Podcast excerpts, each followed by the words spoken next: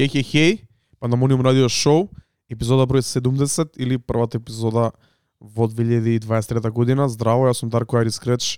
Ова десно, десно од мене мојот човек Трајче Екейт Активити. Здраво, Трајче. Здраво Дарко, здраво Пандамониум радио екипо, се надам дека сте добро. Среќна нова 2023 година, а, среќни празници кои што предстојуваат во новата. Здравје, среќа, љубов, само убавени ви го посакувам во новата година, сите желби што ги имате замислено, се што имате ставено на план и на ум, да се оствари, да работите кон тоа. А, ние сме овде, пак моравме малце да направиме, направиме еден ден, бидејќи не бевме спремни заради од сите ствари што се десија и све тоа што правевме посебно, мислам, до самиот, до, до нова година, моравме да, да одмориме онака еден ден за Ја не и бев да го спремен. Не бев спремен да снимам вчера. Мислам дека не бе фија. Ми дое пребрзо, Искрено. брат. Ми дое пребрзо се.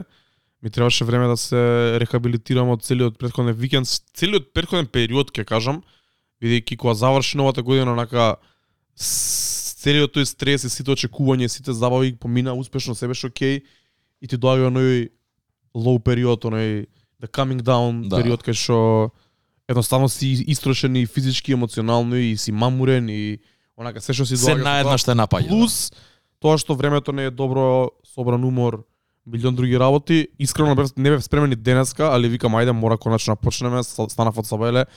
Сонцето беше убаво. Дојавме тука, имавме мали технички проблеми со роудкастерот и со кабелот, напојувањето за него. Па потрошивме некој саат време сигурно напред назад до логинг до Беверли Хилс и назад. А, имаше добар момент, имаше лош момент, али фала на логинг што еве една кратна денот можеме да снимаме и да ја даваме епизодата за сите луѓе кои се периодов празнициве дома немаат што да прават и можеби ќе сакаат да не слушаат. Мене трајче како раскажуваме како сме си поминале викендов и збориме за една ера во која двајцата растевме и која за нас е на многу специфична и важна ера, односно две години, конкретно збориме за 2012-2013 година, ќе ги обработиме тие две години вака ретроспективно 2012 официјално се поминати 10 години од се што се има случено во 2012 2013 работите кои ќе ги избориме годинава сите слават 10 годишнина, а знаеме дека има многу важни а, синглови, проекти и дешавки за нас од тоа време, но прво да збориме за 2023 а? Ќе збориме за 2023, сега мала дигресија само да направам и да дообјаснам за тоа Дарко што го збори.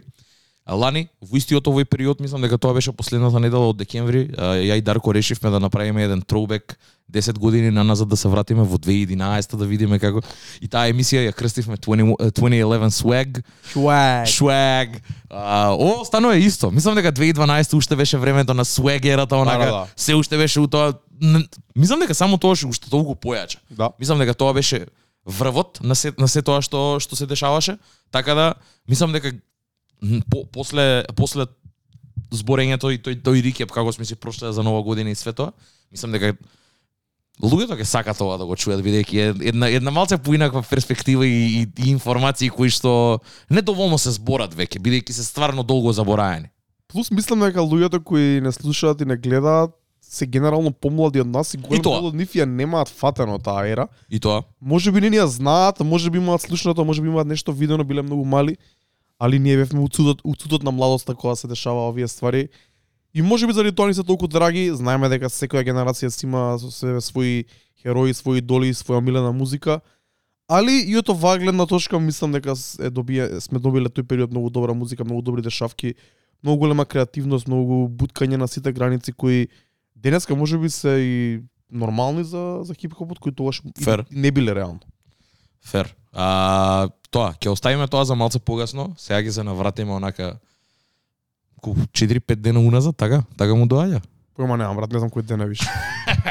Нема врска, 31 декември е. А, ја за нова година немав имав, имав апсолутно нула планови, онака све беше on the go, on the fly. Реално одамна ми помина тоа као фамата која требаше да се организирам за што ќе се прави за за нова година. I have friends in all places онака као имаше опции милион.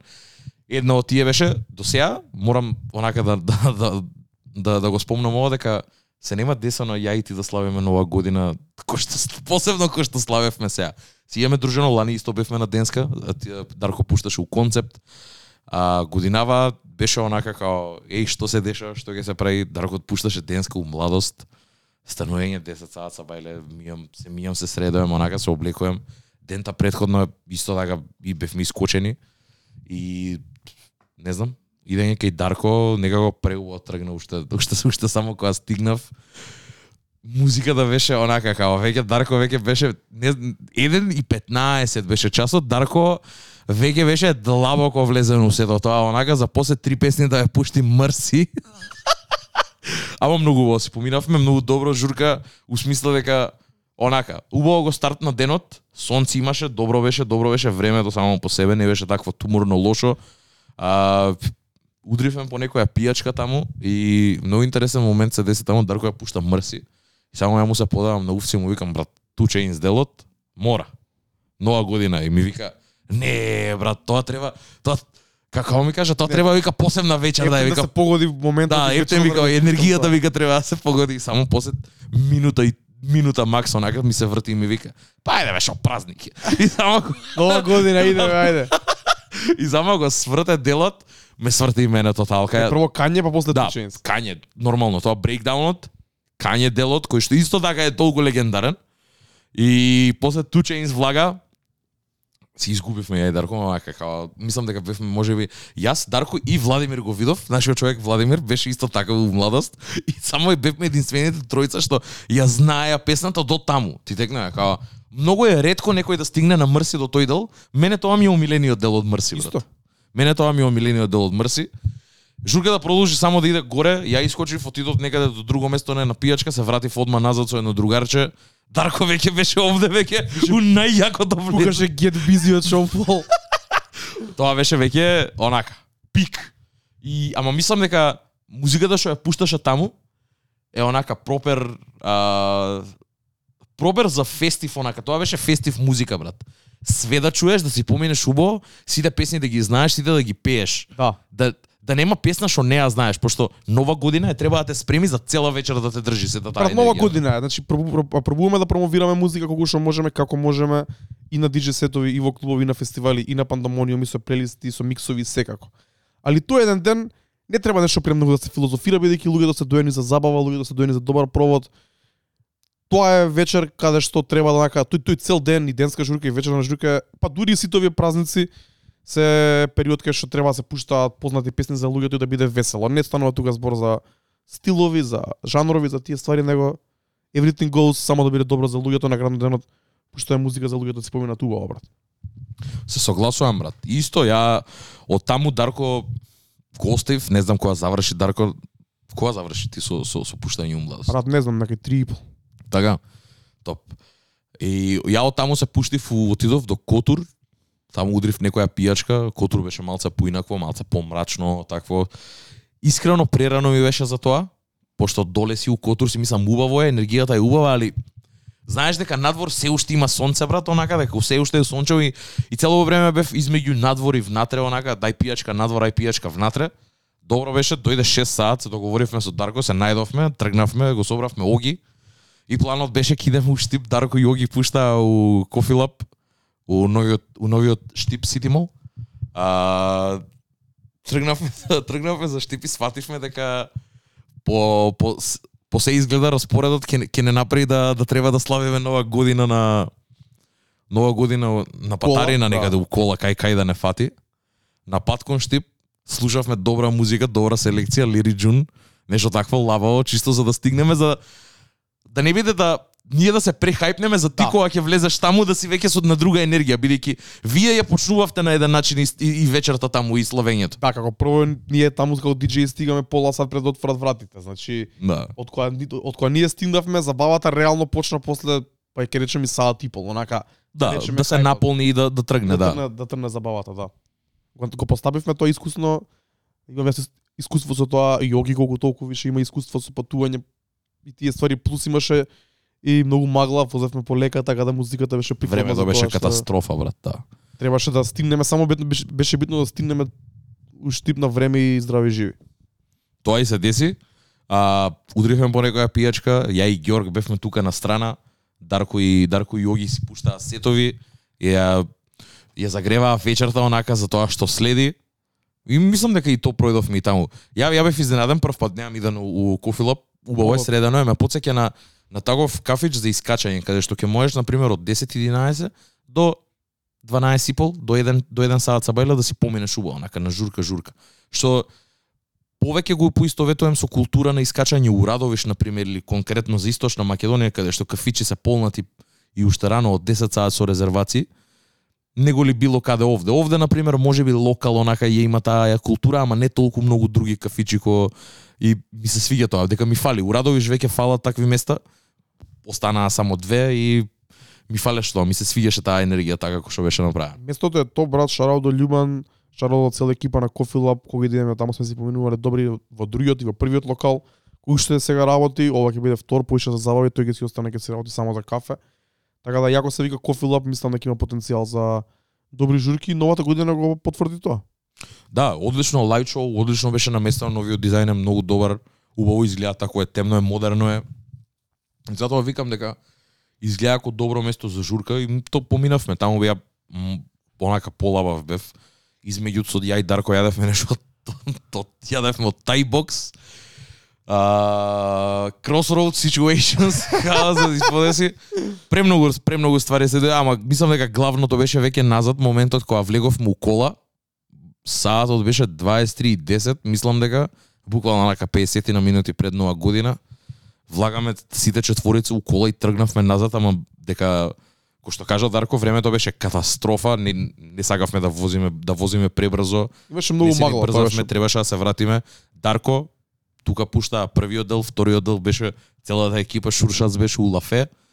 А, со, за, за пречек на новата година и тргнавме да движиме кон Скопје, да се вратиме бидејќи Дарко и Оги требаше да пуштаат таму. Во меѓувреме пуштаа Панчо и Панчо и Нести.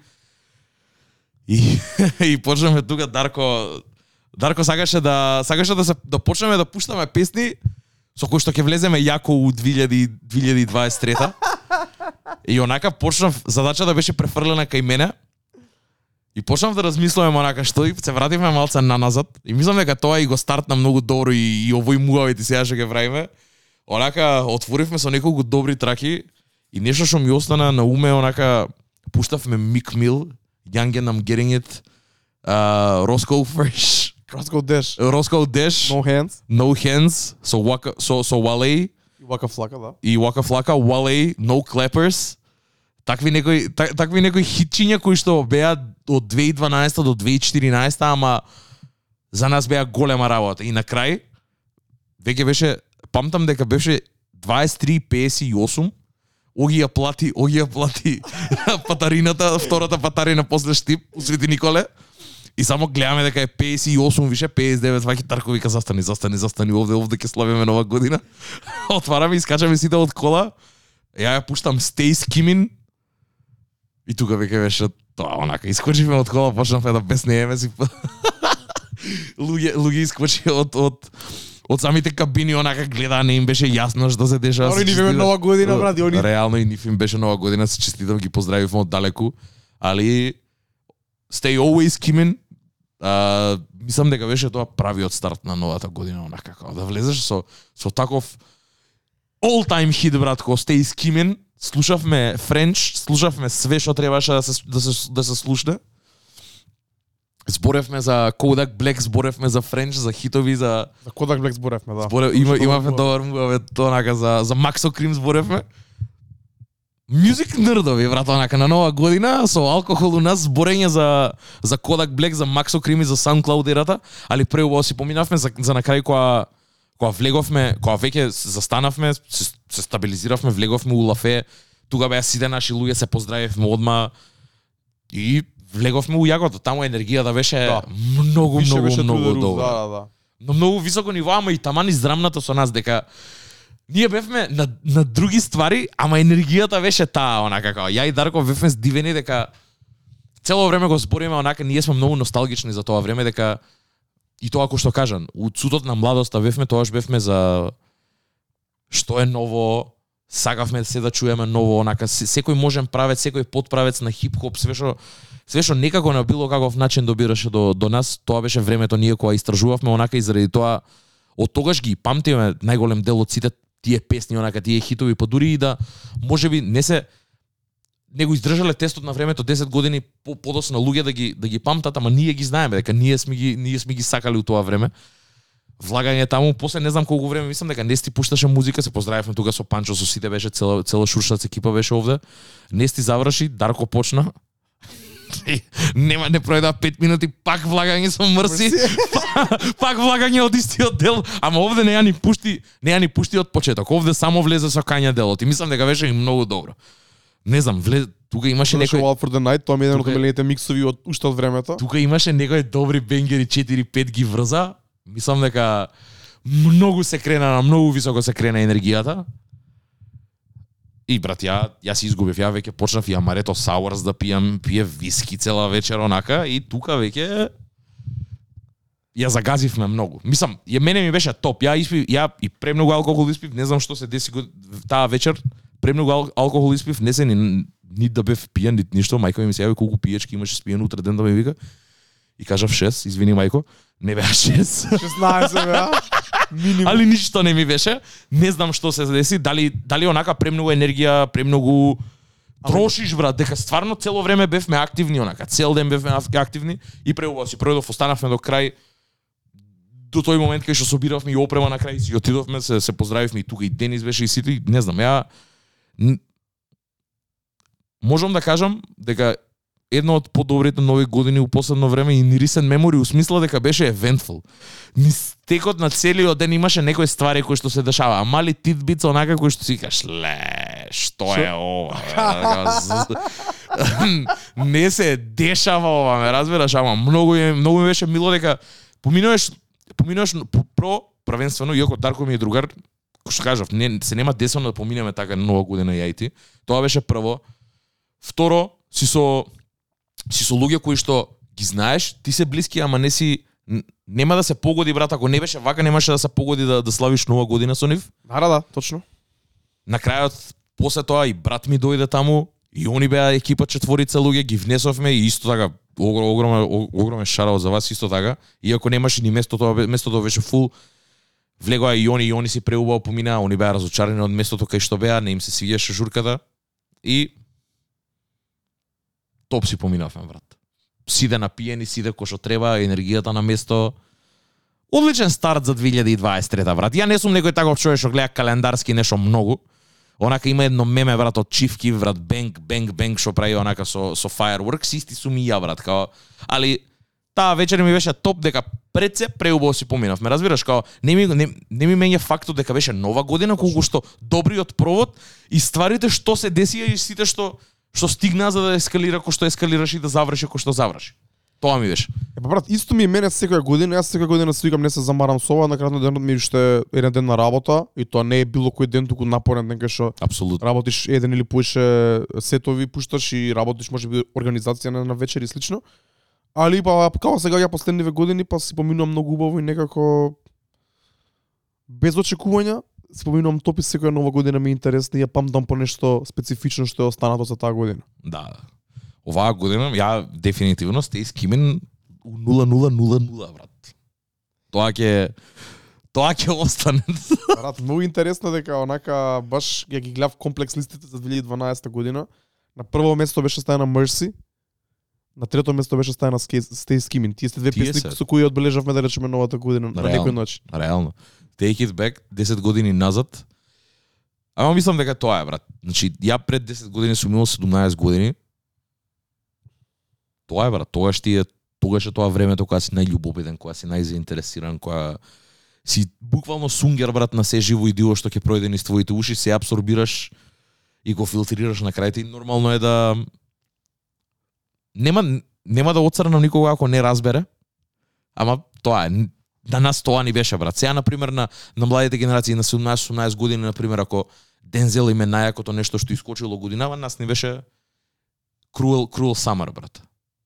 Таа година. И, и, и Дензел Кури се појави 2013 брат. Само И- тоа е И то и тоа, тоа е плюс Трец и, и сите тие носталџа сите албуми да се појави 2012 2013 со со прво со прво со неговиот сингл тој што беше на на на Vine Ultimate. Ultimate се викаше. Онаа песна на заврши со рикипот на нова година. може. тоа е најјакото брат за таа ера што го збориме цело време. Јас знам дека го пишував и на некој текст, не се сеќавам точно каде, ама а, не е само дека имало големи хитови. Имало хитови, имало имале песни што го што го издржале тестот на времето, има песни што се забораени како No Hands. Не не е тоа битно. Таа тие неколку години, таа ера од 2011 до 2014, не, 15 више мислам дека не. Иако таму има остатоци од тоа. Така? Зборам за креативноста, за експерименталноста, за новиот бран кој доаѓа во хип-хоп. Доаѓа доаѓа на цела генерација на, на нови лица. Не само суперстар под наводници, не е само Кање што од порано е хит и Лил Уейн што од порано е популарен, кои се предводници на таа ера, него се појавуваат нови ликови како J. Кол, Кендрик и Дрейк, знаеме, светото турство на новата генерација што се појавува тогаш со нова енергија, се појавуваат. Трапери, се појавуваат ликови ко Уиз Калифа, ко Мек Милер, се појавуваат. Вака Флака, цела екипа од од Атланта, се појавуваат ликови ко Риф Раф, се појавува Екшн Бронсон, се појавува Джои Беде, се појавува. Дензел Кури, се појавува многу други кои се појавува Јанг Так, се појавува Ричко Микуан, фьючер Као сите тие луѓе Рич Генг целото. се појавуваат прв пат ги дознаваме за нив прв пат во таа ера. И они првите брейктру, Мигос, првите брейктру хитови ги имаат Мигос години. Исто така. И као, музикава што ја слушаме ние сега, па дури и Upper Echelon од Тревис Скот е 2013 година. 2013 да. Целата музика што ја слушаме денес е базирана на тој звук што се таа генерација на луѓе, тие нови стандарди на снимање музика, вадење музика, изглед на спотови, ролаутс, изглед на, на, на, на кавери и слично, естетика цела на хип-хопот, дури и лошата страна настапи, кои можеби не се толку сјајни, се е базирано на таа нова генерација што се појавува од 2011 до 2014. Бидејќи предходно постојаат други правила во хип-хопот. Ние можеби Да. не може да земеме одредена точка као година, е сега тука почна новата ера, ама до пред таа ера постојат други артисти, други суперстарс, друг начин на облекување, друг тип на музика, Да. која полека но сигурно од 2008-2009 до 2012 се е тој преоден период, Да. ама више во 2012 кога гледаш ти дека имаш толку нови артисти кои се достигнува пикот каде што сите тие артисти што ги спомна постоеле и у 2011 и 2010 можеби, али годинава беше годината годината кога ги извадија своите први албуми онака. Не мора да се First debut, major label debut или нешто такво брат. или едноставно доаѓа времето кај што а, претходната генерација веќе е за поднаводници застарена, доаѓа нова генерација со тотално нов звук, тотална нова естетика, тотално нов изглед, мода и ние како нова генерација на фанови се закачуваме на тоа брат. И тоа е основата на се ова што се случува во следнивите 10 години. И токму затоа ние сега од оваа гледна точка збориме дека нас не треба нова генерација, бидејќи да, окей, Дрейк, и пак Дрейк има најголемите хитови, Дрейк и Фьючер ги имаат најголемите хитови годинава. Да. Ама нас ни треба нова генерација, на хип-хопот му треба нова генерација која ќе донесе нешто ново. Може би тоа ќе биде фабрикувано нешто од минатото, ама треба нова енергија, нова свежа крв, нов- бидејќи ние Нов тоа нова ние тоа енергија, што го да. добивме. Добивме колаборации со EDM светот, добивме колаборации со drum and bass светот, добивме колаборации со значи онака Мигос со а, Риф Раф на Дипло бит као милион сите ствари се дешаваат тоа што се беше многу јако. Майк Постнер на албум кај Раско као милион милион милион Да, да, да, да, да. Major Lazer ремикс на Мекълмор. Tonight, Lunis. Сите тие продуценти, Хадсон Мохок се појави. Лекс Лагер исто така Lex на другата Лекс Лугер на другата страна. Майк Уил Мейдет исто така као Зейтовен. Сите тие сите тие почетоци, затоа ги велиме дека се почетоци. Тоа време тие круцијални ликови кои што сега веќе се сметаат за легенди, бидејќи стварно биле луѓето кои што ја изградиле та ти овие 10 години ги изградиле, ги воспоставиле темелите за нив. Брат, Травис Баркер, се од тоа, брат, ме разбираш, као сите тие, Тревис Портер исто така, брат. Сите тие, дури и такви мали некои покец онака беа интересни. Го спомна Дипло, Mad Decent лейбелот. Тој што беше исто така стейпл за сите такви работи, Ти брат. рачуне дека Мија беше Мија, подпишана за Мија беше Decent, да. Као со, со, соработки со сите. A-Track, A-Track Fool's Gold. Record, брат. Дени Браун подпишан за Fool's Gold. Дени Браун, Детройт Рабер, подпишан за Нью Йорк, Нью Йорк Рекорд лейбл, брат. тоа A-Track е е, DJ, кој пушта почнува ја почнува кариерата многу млад као скречер, као DMC, DMC шампион, да. Па после почнува да пушта бас музика, хаус музика, електронска музика, па, па ама цело време има таа конекција со хип-хопот и као Да. и тогаш тие тој кросовер се случи многу интересен на таа фестивалска парти култура во пред се во Британија и Америка. Као се викаше оној филмот? Ја, ја, ја, кај што е Кит Кади, кај што е оној филмот, Хаус журката што Project X, Project X, исто така. 2010-2011 искочи филмот, брат. тоа е улицата тоа- Ленија. Да, да, Исто да, и да, тоа, културолошки. беше, тоа културолошки го Точно, точно. го воспостави тоа што све следуваше понатака, брат. Онака и со Киткади ин- индикат, индик, индикади е Индикат или Може да е малце порано, брат. 2013 мислам дека. Кит Кади мислам да се појава малце порано, ама да. Не, не, не, И- ама то еден од тој помелово албумите онака кај што кај што се воспоставува тој меланхоличниот Кит Кади е 2013. Така да има премногу ствари у 2012 и 2013 кои што па дури и Мек Милер брат као онака Мек Милер не припаѓа у ниту една вода, онака само е Мек Милер. Тогаш припаѓаше, сега не припаѓа. Сега- Од оваа гледна точка. Да. Као сега не при, али од тогаш ни беше најнормално да слушаме све као Лауде Лауд 2012 исто така беше. Треп Бенгер брат, Мекаделик Мака- 2012 Степа, да. 2013 го извади Watching Movies with the Sound of онака. Тотален различен звук у една година. О, сосема спротивна, со, сосема спротивен звук него тоа што беше Макаделик онака. Така да, мислам дека ние може би ги романтизираме тие и може би сме носталгични према нив, ама тоа е сето издржано бидејќи стварно беше онака еден огромен мелтинг пот на на различни култури, на различни правци кои што сите соработуваа меѓу себе. Многу имаше прелази каде што хип-хопот беше многу поотворен за колаборации. Него ли што бил оф оф оф майкс уште пред тоа Дарко исто така спомна Пуша ти тука се појави, иако Пуша ти е одамна рапер, али неговата соло кариера тогаш и тргна. My Истото name is my name и Chainz. 2012. Pusha T и Chainz, така. кои се легенди. викаше Тита, Тити Бој и беше подпишан за лейбелот на Ludacris. Нема да се преправам дека го знаев Тити Бој уште од тоа време. Го дознавме, го дознавме како Chainz, али сите тие ствари онака. Исто така и Future е уште тоа време. Future имал тоа време 30 години, брат. Сите бие, тие не биле млади, млади рапери, брат. Као, може би Дрейк, например, бил еден од тие најмладите од тоа генерација, Кендрик Кол. Али имало артисти кои што веќе биле онака на некаков начин у својата, у, имале музичка кариера и сега се реинвентнуваат со новиот звук. Точно. Juicy J. Исто така, Исто. брат. Stay Trippy. 2013 е тоа, брат. Juicy J, Dark Horse со Katy Perry, брат. Најголемите кросовери со поп музика ги се десија тогаш, брат. Трап музика, Miley Cyrus 23, Да. све тоа, брат. Пре евентфул беа тие две години. Мислам дека и затоа затоа сакавме, мислам дека ако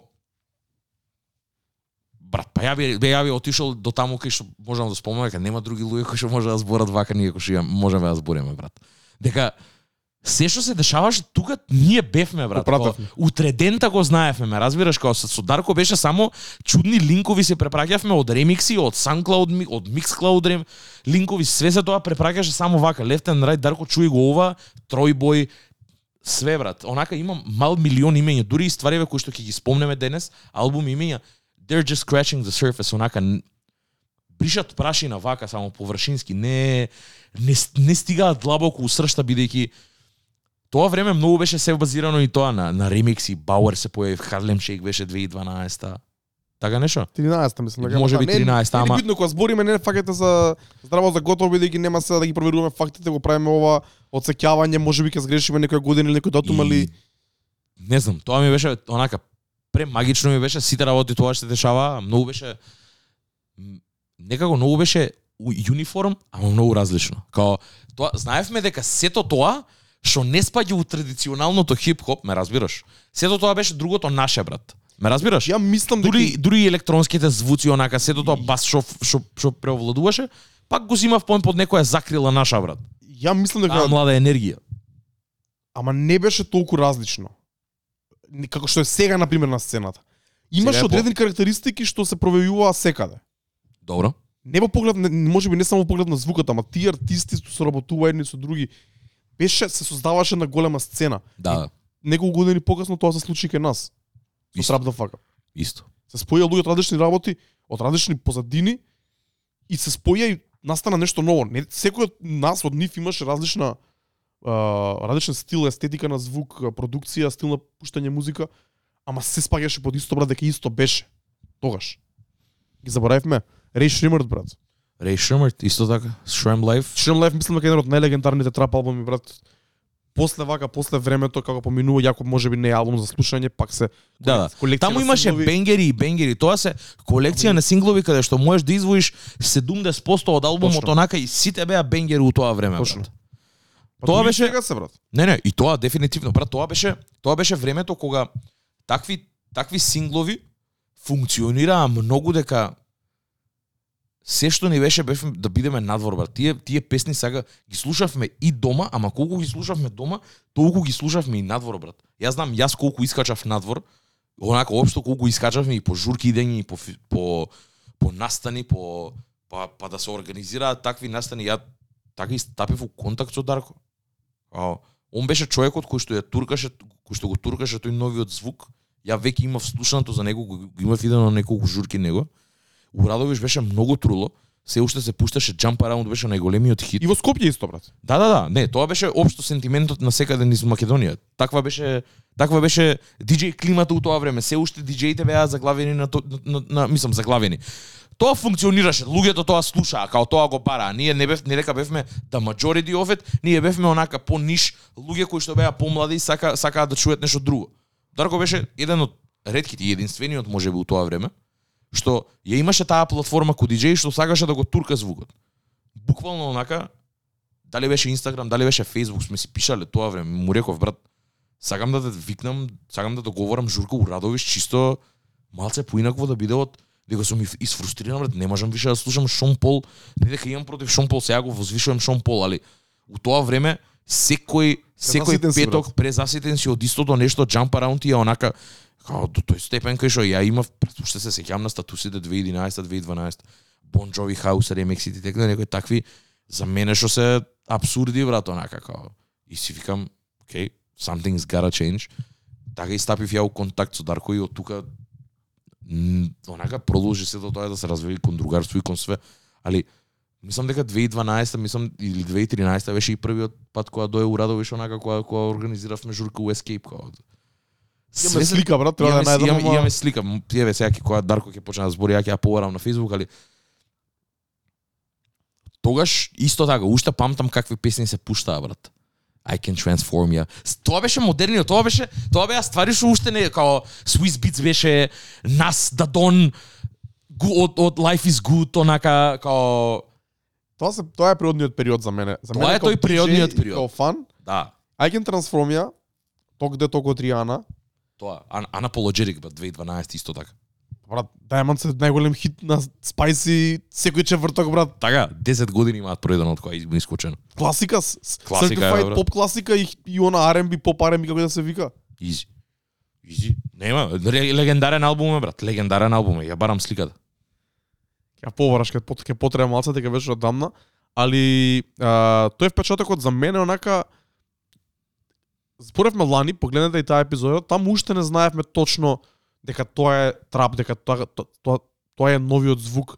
Знаевме дека е нешто ново и свежо што ни се свија нас, али како проаѓаше време, требаше поминат година две за да се оформи самиот звук и самите карактеристики на звукот и да се појават тие нови артисти кои ќе го третираат тој звук. И тука беше најголемиот, најголемата промена беше кога Ја најдов. Не, не, Лудница. Кепшонот е. Going HAM. Кој? Хем. А, Ова е првата мислиш? Ова е првата. Ова е од првиот пат кога беше Дарко Урадовиш. А, 13-та? 2013. Значи јуни 2013 бил прв пат Дарко Урадовиш. Ете. Значи не било 2012, 2013, тоаш више се слушало и се проки и све тоа. Мора да го зборевме тоа лани. Тогаш не идеше толку брзо музиката како што иде Не сега. идеш. И си идеше со мало закаснување и тоа не со толку мало, и со поголемо закаснување и онака требаше време дека стварите стигнат до нас, ни легнат. Јас почнам да ги пуштам и можеби некој ги слуша на прв пат и се навлече на тоа. Па дури и тогаш требаше да се најдат луѓето да се спојат истомислениците кои ја слушаат таа музика, кои Исто.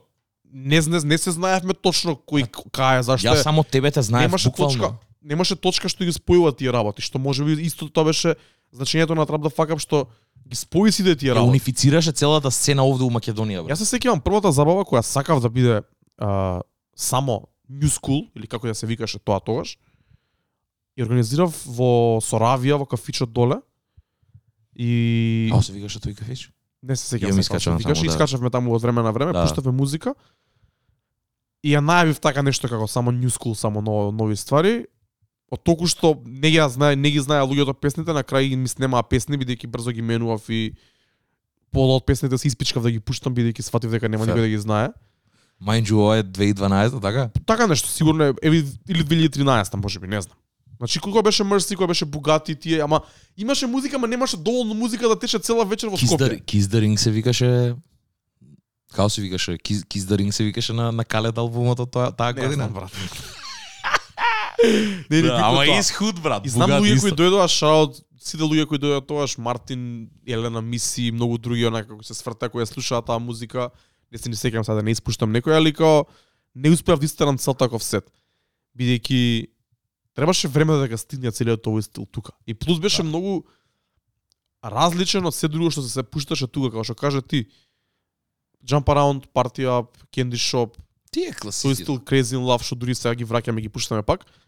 Као за тоа може би поише песни као Fucking Problems од ASAP Rocky и може би мастер продукцијата полесно проаѓаше тука. И тоа беше еден момент преку тој момент мислам дека успеа да влезе во новиот звук во комерцијалните клубови во Скопје и во Македонија. Преку поише преку Мастерт, а овие траповите под наводници беа тука само као филери заедно со Нига Симпарис и други песни кои се истиот BPM range, па имаше туку уште нешто друго да се пушти од страна, као Нига Симпарис Mercy, Can't Hold Us од Macklemore која после стана и кросовер хит. И така лека по лека што се вика буквално песна по песна се градеше мојот сет да можам во еден момент и да пуштам само таква музика. А, исто така, Кетчап од од Mustard албумот е 2012 година, брат. Не Што беше првиот, точно ама после се појавија Kidding, сите продукции на на на Крис. Браун, Dollar Sign. тај тај дала сайн. Све тоа брат, тоа луѓе која е, мислам дека и ние дури малце ќе онака забораваме кога збориме за тоа дека тоа време стварно имаше имаше онака ние ги делиме на BPM онака 70-ки, Да, имаше така имаше трап. 70-ки, 60-ки, имаше трап. Али колку имаше трап, толку имаше и 95-ки и 100-ки. Мели Моли Мол, Мастард кој што го започна се до тоа. Сите тие брзи онака битови до 90 до 100, 100 пи- BPM range кои што беа баунси, кои што беа клубски, а ја има истата енергија. И забораваме на тие. Тие најчесто ги изоставуваме кога збориме за се во ова дека тогаш цензусот беше примерен кон трап се префрли кон трап, почна да се префрлува кон трап, али имаше секогаш имаше движење кое што исто беше многу брат имаше еден момент и тоа и рил сега се покажува Да се појави Ма- Торилот, да. Брат, Мастард све беше Мастард продукција едно време тоа, ама тоа ма, ма Гренте тоа веќе беше 2014 со Кидинки со све тоа. Ама со собрани више 2012, 2013 Тоа беше и 3-4 години хитови кај што све беше Мастард онак. И заради тоа мене ми е толку многу добар Вин Стейплс, брат. Ме потсеќа на нешто старо, ама со модерен звук, со некој друг поалтернативен артист. Овој звук сега, овој звук сега да. И иначе заборави да кажеш дека пуштив една песна од ја пуштив и Lemonade на нова Lemonade, година. исто така. И Уф, Вин Стейплс има музика која може да од новиот албум што можам да ја пуштам на warm up, на closing, на денска журка, да, ама може. И се слагам ме потсеќа и мене на тоа, иако е во многу по Во многу друга енергија, во многу друг круг е онака направено, Сега брат. таква алтернативна инди енергија, ама Што и базирано мене ми е, мене ми треба, тоа го збориме. Сакаме да се повлече у некои такви за да видиме малце креативност. Ма мастерът е креативен со продукцијата на новиот Вин Стейплс албум, брат, и ми се свиѓа се до тоа. Исто така можам морам да напоменам, брат, 2012 имаше неколку моменти бидејќи а, имаше многу кликс, се појавија TD, се појави MMG, Maybach Music Music Group. Имаше појави дури извини што те прекинувам, се појави, не знам, можеби тоа беше малце покасно, Диди го рестарт на Bad Boy со новата со новата екипа.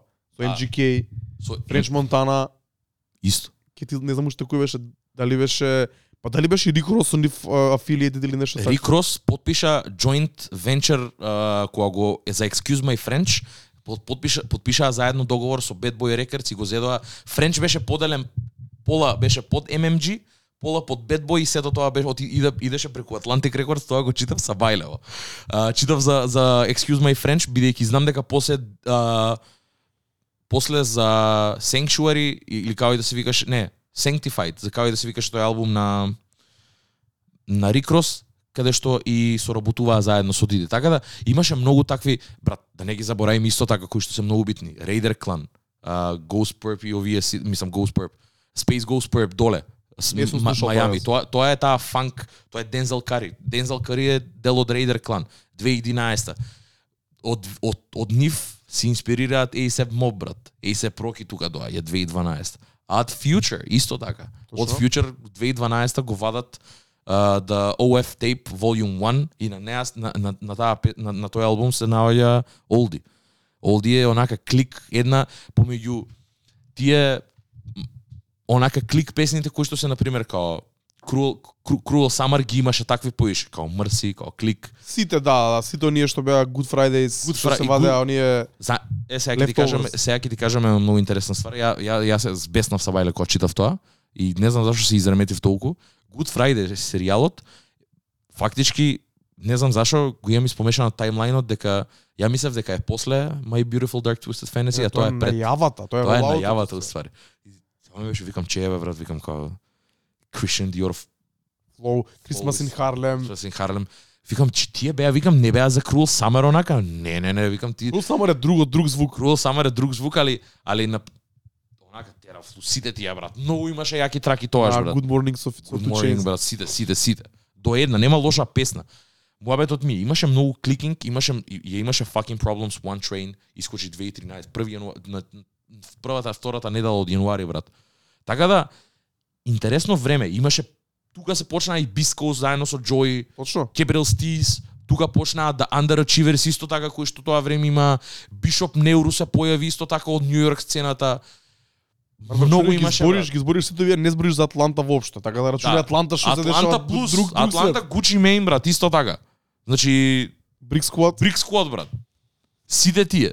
Тука се појави так исто така, иако так ја многу покасно го закачив, али так исто така у 2012 има извадено проект под под, не, под тој лейбл кој што за Gucci Mane, нали, као има премногу работи у 2012 кои што се имаат десено, да не го заборавам, Френк Оушен брат, исто така, Channel Orange брат.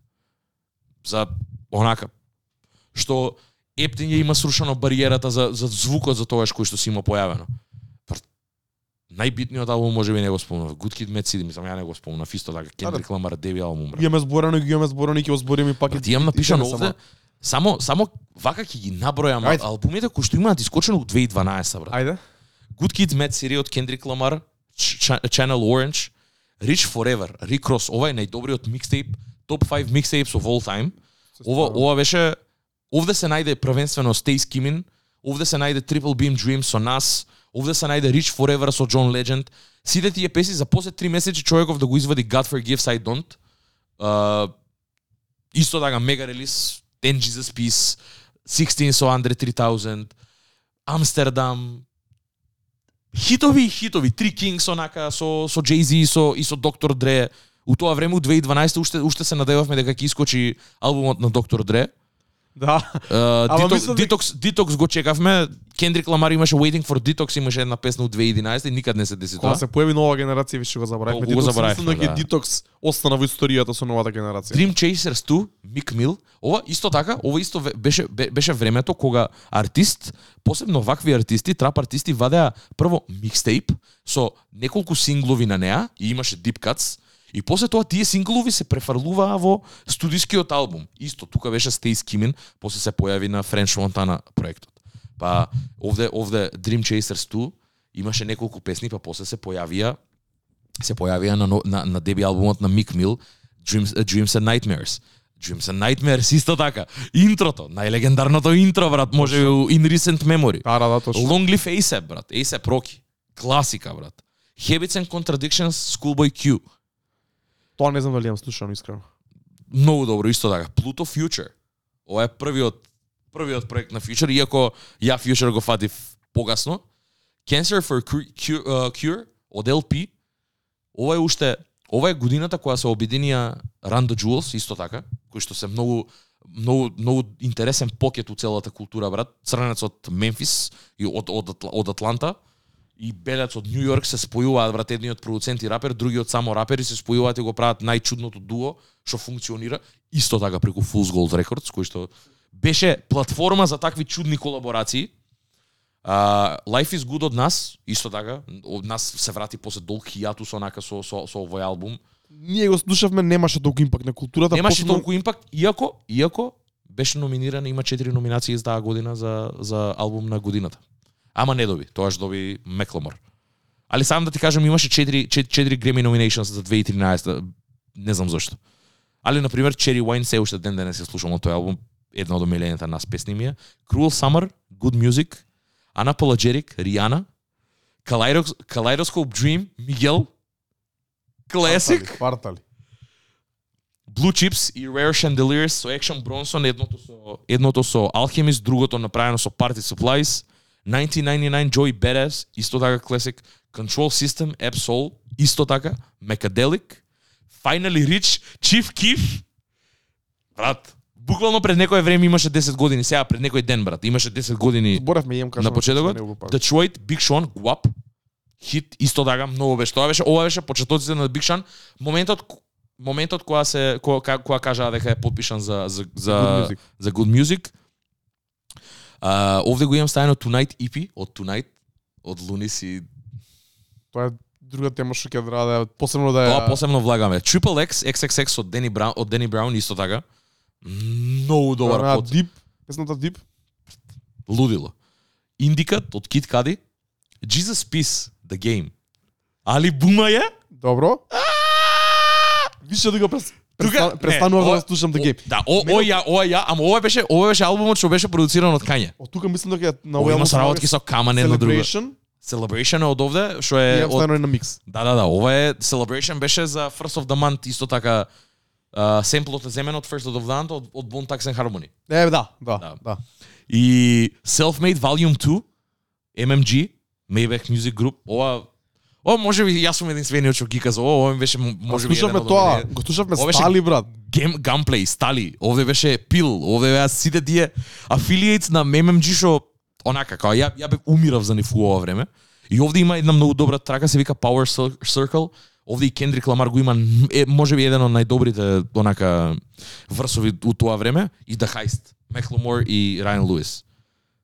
Ова е само ова се само албумите кои што ги имам спомнато овде, кои што ги напишав од прва брат, онака ги знаев овие дека се искочени. Исто така, Chance the Rapper, Acid Rap има искочено од 2012. Crazy. Нереално е колку има различни зву, звуци година од само таа година, ме разбираш? Сите тие брат, дури еве ќе влеземе толку подлабоко, Лупе Фијаско го извади Food and Liquor 2 брат тоа време, ме разбираш? Тоа тоа беше off на онака, тоа беше многу лош албум реално. Али онака како имаше толку многу простор за музика, сите луѓето очекуваа музика нова од артистите, брат. Тоа беше времето да се покажеш што можеш да направиш, брат. Тоа беше времето, 2012. 2011 се уште беше онака. Taker може би беше онака по поголем релиз. Ме разбираш, као од, од таа нова сцена. Ако ме прашаш My Beautiful Dark Twisted Fantasy не е дел од тоа, брат.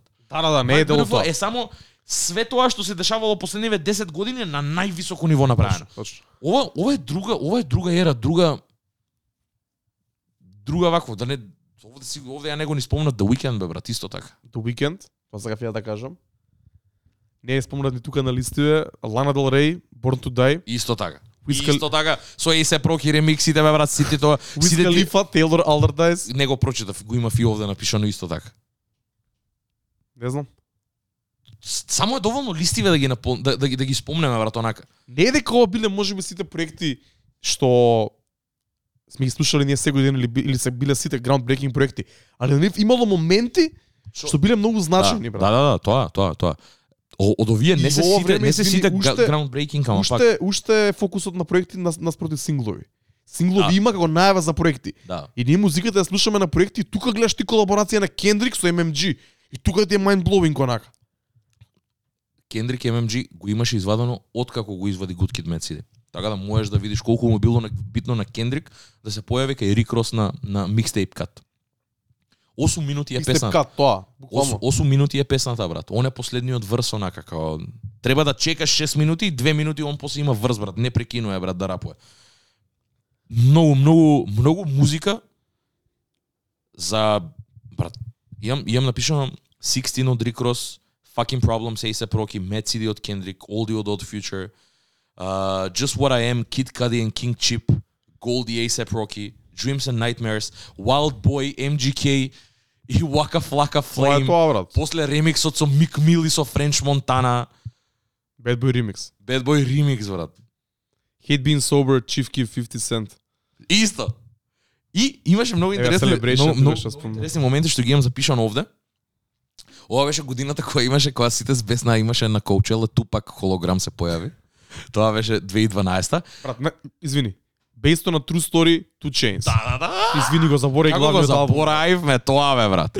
Албумот на годината, брат, на кавер ми стоеше слика Исто така. тоа, Многу интересен факт. Virgil Abloh е човекот кој што го има направено ова. Па, Уште у знаев, 2012 ја го дознав годинава кога почина, кога почнаа сите да пишуваат работи. Ова е Virgil cover брат од 2012 Много ја. година брат.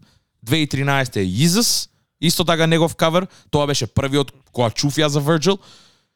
Мислам добро, имаме чуено за Virgil и од Pyrex Vision и од све тоа, као Pyrex Vision исто беше 2012 Роки не, не, не соблекуваше Pyrex Vision ствари брат. Сакавме сите да го имаме тоа брат, онака као Calm the fuck down и сите тие ствари онака како AliExpress глупости нарачуваш, пробуваш, не се фаќа. Ајде, кажи извини што те прекина, брат.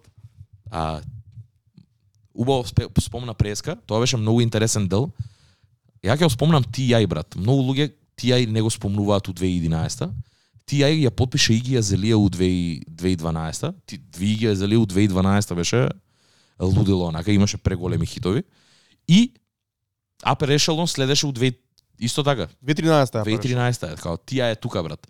TI на еден момент има екзекутив продус за Тревис Скот. Ама и нели тоа беше за нив подпишани B.O.B. Да, да. Hustle Исто така B.O.B. брат. B.O.B. имаше голем Airplanes. крос кросовер, Најголем кросовер кросовер имаше меѓу Ја го слушав многу и Сите го слушавме, брат. Сите го слушавме B.O.B. брат. Сите. Значи, затоа велам дека преинтересна сцена беше. Многу беше спектарот на работите кои што можеше да ги чуеш од 2012 беше многу и тоа све беше at the forefront. Ништо не бе се имаше view, се имаше внимание тоа време. Ако беше различен, ако ма, звукот беше малце поинаков неголи предходниот, ти што тој што има направено, истакнат си брат. Имаше имаше многу блогови како Run the Trap кои што даваа спешал, имаше многу од YouTube канали кои што тие постираа музиката со милионски views. Постоеше уште SoundCloud и тогаш брат онака како посебно тоа поише беше за трап артистите онака како место каде што може да не многу многу, многу убава ера беше. И Исто така, ова морам да го напоменам, Exodus 23.1 My Name is My Name 2012 пушати официјално го почне бифот со со Lil Wayne. го имам и лајнот овде. Contract all fucked up, I guess that means all you all fucked up. You signed to one nigga that signed to another nigga that signed to three niggas. Now that's but bad luck. Ова збори за ситуацијата у YMCMB. Овде ги напаѓа Drake, овде го напаѓа Lil Wayne. Му збори дека колите да не се негови, дека baby owns the, all the cars.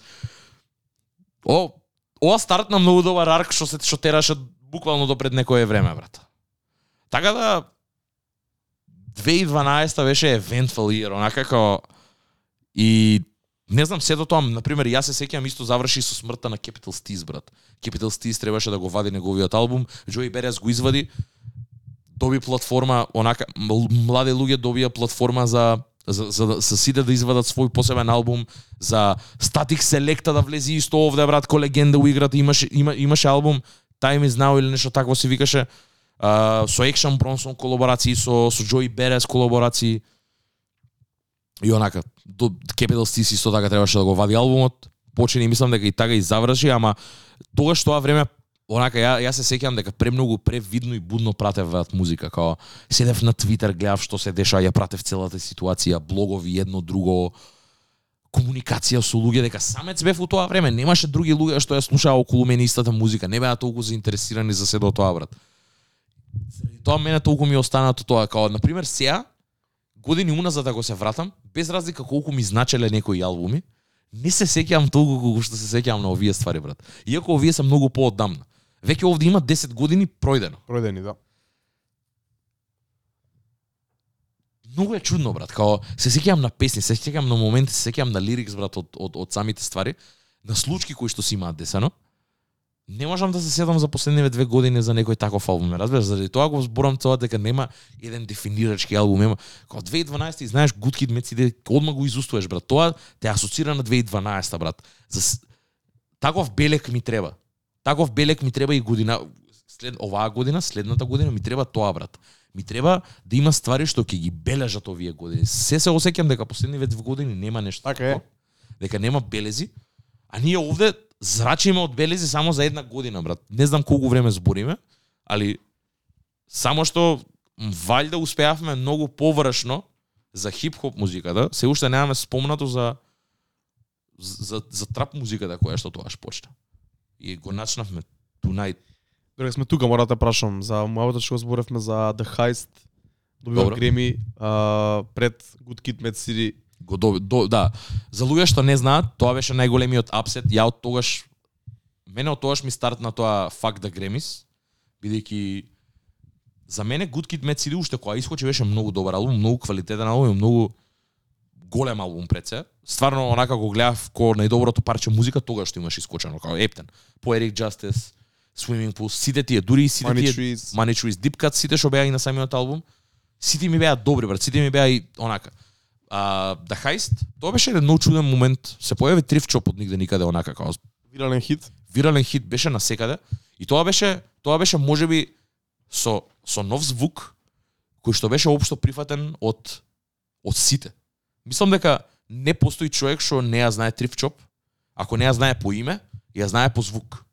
Да, да. И плюс тоа беше многу а, како ќе кажам, тоа беше дупка у хип-хоп музиката, брат. Тоа е бидејќи онака. Секогаш има мал елитизам кај хип-хоп музиката пред се. И сега ти се појавува, значи, ги знаеме сите главни градови кои што се за Атланта, Нью Йорк, Лос Анџелес, така, Хјустон. Ги знаеме тие големите градови кои што продуцираат многу добар хип- хип-хоп. Ти доаѓаат двајца белци од Сиетл, Едниот е белет, другиот е мешан, мешан. не е ни битно. Изгледаат белци.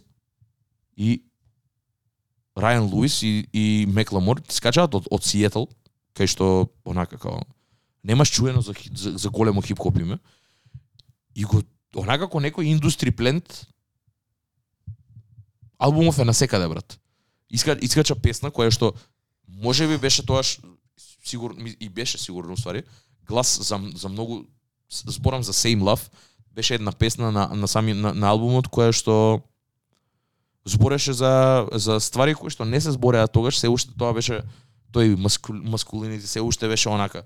Хип-хопот се уште у тоа време онака конкретно тогаш загази и Рик Рос загази со сето тоа и све. Се уште не беше политички коректен, не ги интересираше за тие ствари онака. Почнуваше да Вул, вулгарно беше, вулгарно беше, се уште беше такво токсик маскулинити, се уште се се користеше да F word и све тоа онака како се користеат работи со кои што денес на пример не се прифатливи. И се појавува песна ко Same Love која што е глас за тие луѓе кои што на еден начин немаат репрезентација, посебно у таква култура која што е машка на еден начин. А и имиджот и многу свети зависи и на статус и на и на жени и на све тоа и ти, ти искача да Same Love кое што го бори сето тоа. И ми беше еден чуден мене момент бидејќи ја лично не резонирав со со со албумот, го слушав на поише наврати, ама никад не ми остана нешто усеќавање, али имаше преголем успех. И тие беа два албуми кои што беа стаени еден спроти друг а, на крајот на годината.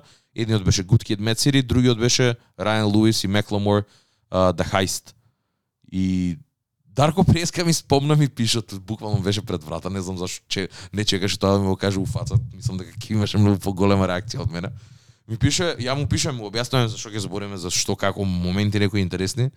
И ми вика, па ја не мислам брат дека Good Kid Mad City беше ропт uh, од The Heist за дека уствари му е и заслужена победата Има аргументи. на... Така, има аргументи зошто The Heist има победена, да. а, наспроти Good Kid, Mad City, збориме кои да се бираат Греми награди. Значи, во 2013 година, Во 2013 се бира. во вториот дел на годината, така? Да, значи, да. збориме, поминати се, поминато е некое време од максимум една година од, од излагање на двата албуми, така? Година дека, и нешто, да. Мислам дека директниот и првичниот импакт на а, The Heist, председ на сингловите на The Heist, и целиот тој збориме за being groundbreaking, being се тоа, овој албум е по groundbreaking од Good Kid, Mad City за таа година. Бидејќи, како што кажа ти, збори за ствари кои може би Кендрик не збори, Кендрик денеска збори за тие работи во Мистер Морал. Пред 10 години не го збори тоа. Да, Кендрик Збориме- со Good Kid, Mad City даваше перспектива на на други работи кои што исто така беа изолирани, ама се многу по-блиски до неговата публика. Ме разбираш дека не, не, тешкиот живот, гетото, све тоа, што се обработуваше. Беше нешто ново, ама не Беше беше нешто ново, groundbreaking за тогаш. Во споредба со ова, ако збориме конкретно. Добиваме кросовер мега хитови као Can't Hold Us и Thrift Shop, кои се поголеми хитови од било која песна на Кендрик на тој албум. Па дури и од Mad City, ако збориме за кросовер апил, ако збориме за Billboard Да. чарт, ако збориме за масовна популарност. Mad, Mad City никогаш не е пуштана на антена 5 радио во Македонија, брат. Овие, Да, и овие две песни и сите тие што се бенгери таму. биле пуштани. Ова е се- да. Јас сум Devil's Advocate сега моментов бидејќи сакам да ја дадам перспективата зашто може да Хайс да биде на да биде одбран пред Good Kid Mad City. Може би некако албум за слушање од првата последна песна Да. и ако не се ни сеќавам, јас може би и овој окей за слушање. Знам дека Мене не ми беше. Ја ја убаво се сеќам, мене не ми беше убав за слушање. има многу поп моменти, Да.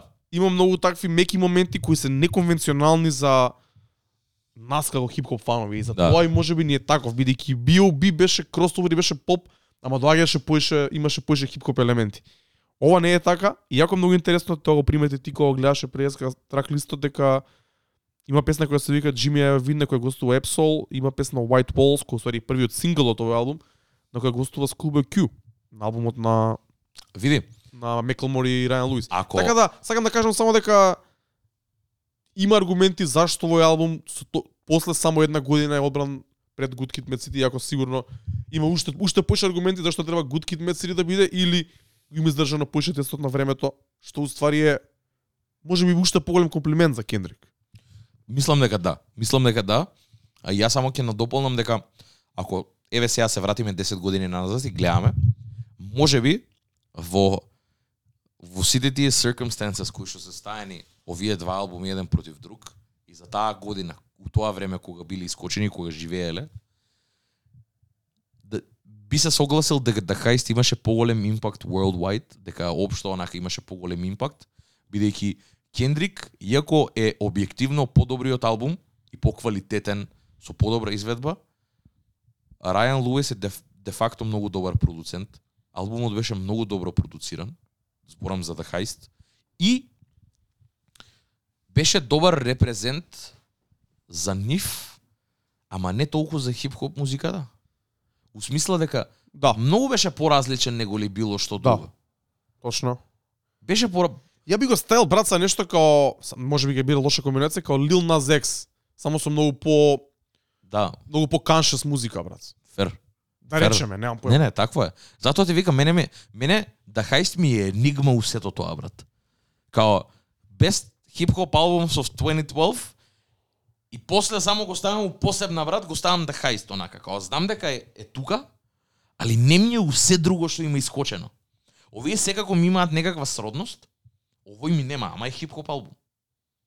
Дека темите што се обработуваат. Мора да припаѓа таму, нема каде да припаѓа на друго припаѓа. место. Тоа е работа, дека стварно ти викам ми е кој енигма брат. И можам да се сложам со тоа кога ќе погледам сега назад, мене сентиментот тогаш ми бил факт да Гремис Кендрик го заслужуваше тоа, бидејќи објективно болј албум има извадено. Но кога ќе размислиш за да за за, за се тоа што има направено албумов, за колку ден денес Thrift Shop, мислам да да ја пуштиш ден денес ќе знаат брат. Има луѓе ден денес што Метки Мет, Мет CD и Backseat Freestyle, ако не го слушале албумот, ако не слушале трап музика, не го Што знаат. не ги доаѓа знаат. на хип-хоп и Да. трап журки, не го знам. Да, реално. И тоа е најнормално. Морам да кажам уште една ствар, лична дешавка која имам доживеано имам видено со своји очи. 2012 година беше пр мојата прва година на Frauenfeld фестивал во Швајцарија. Еден од најлегендарните хип-хоп фестивали во Европа. И кога видов лајнапот од таа година, се викам мора да идам, ова беше моментот кај што само ќе прочитам на кратко Drake, 50 Cent, Nas, Лорин Хил, Шон Пол, Ludacris, Wiz Khalifa, Rick Ross. Тука почнуваат поинтересните за нас. Rick Ross, J. Cole, Mac Miller, Tiny Tempa, Добро, Yellow Wolf, A$AP Rocky, Royce the 5'9, The Late Лудо. People нема врска и има тука со уште помали букви. Со најмали букви е Мекл, се Мекл Мори Райан Луис. Идеме на фестивал, втор ден, односно прв ден. Ова е После 100% само кога дена. имаат извадено еден сингл, фикс. Да. Thrift Shop не е бил изваден тоаш. Точно. Ги гледав сингловите.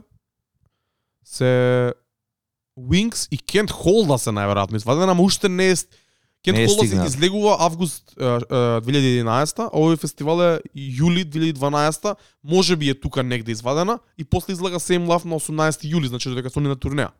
Така. Они настапуваат во 12 типол први на мейн стейдж, брат. Првиот слот го имаат Мекалмор и Райан Луис. Пред три луѓе. Буквално. Ја идам до маркет, се на враќање од маркет им ги фаќам последните две-три песни. После нив Ейсе Проки во еден саат. Во еден и пол слот. Лудило, брат. Настапуваат со банданите. А, Purple Swag, Peso, Голди. Голди не знам дали уште излезена. Тој период, Да. може би излезена. Следната година одам пак на Фрауенфелд, брат. И отварам само лајнапот. Ейсе Проки е стаен као хедлайнер Најгоре. во 10 саат. Пред, предпоследен, после него беше Дрейк, се сеќавам. Добро, нормално. Или не таа година, може би не. Не е ни битно. Може би е последен. Мекалмор и Райан Луис, брат, со три со Триф Шоп, со се имаат своја засебна турнеја. Не ги цел свет нема шанси да настапуваат на овој фестивал. Не ги наоѓаш, да. Во рок од една година од 12 и пол слот до мега звезди. Ейсе Проки имаше по, по, по спор раст. Значи, он бил едно ниво над нив и пак стигнал да биде хедлайнер на хип-хоп фестивал во Европа. Да, да. Ама не бил способен да направи самостојна турнеја низ цел свет.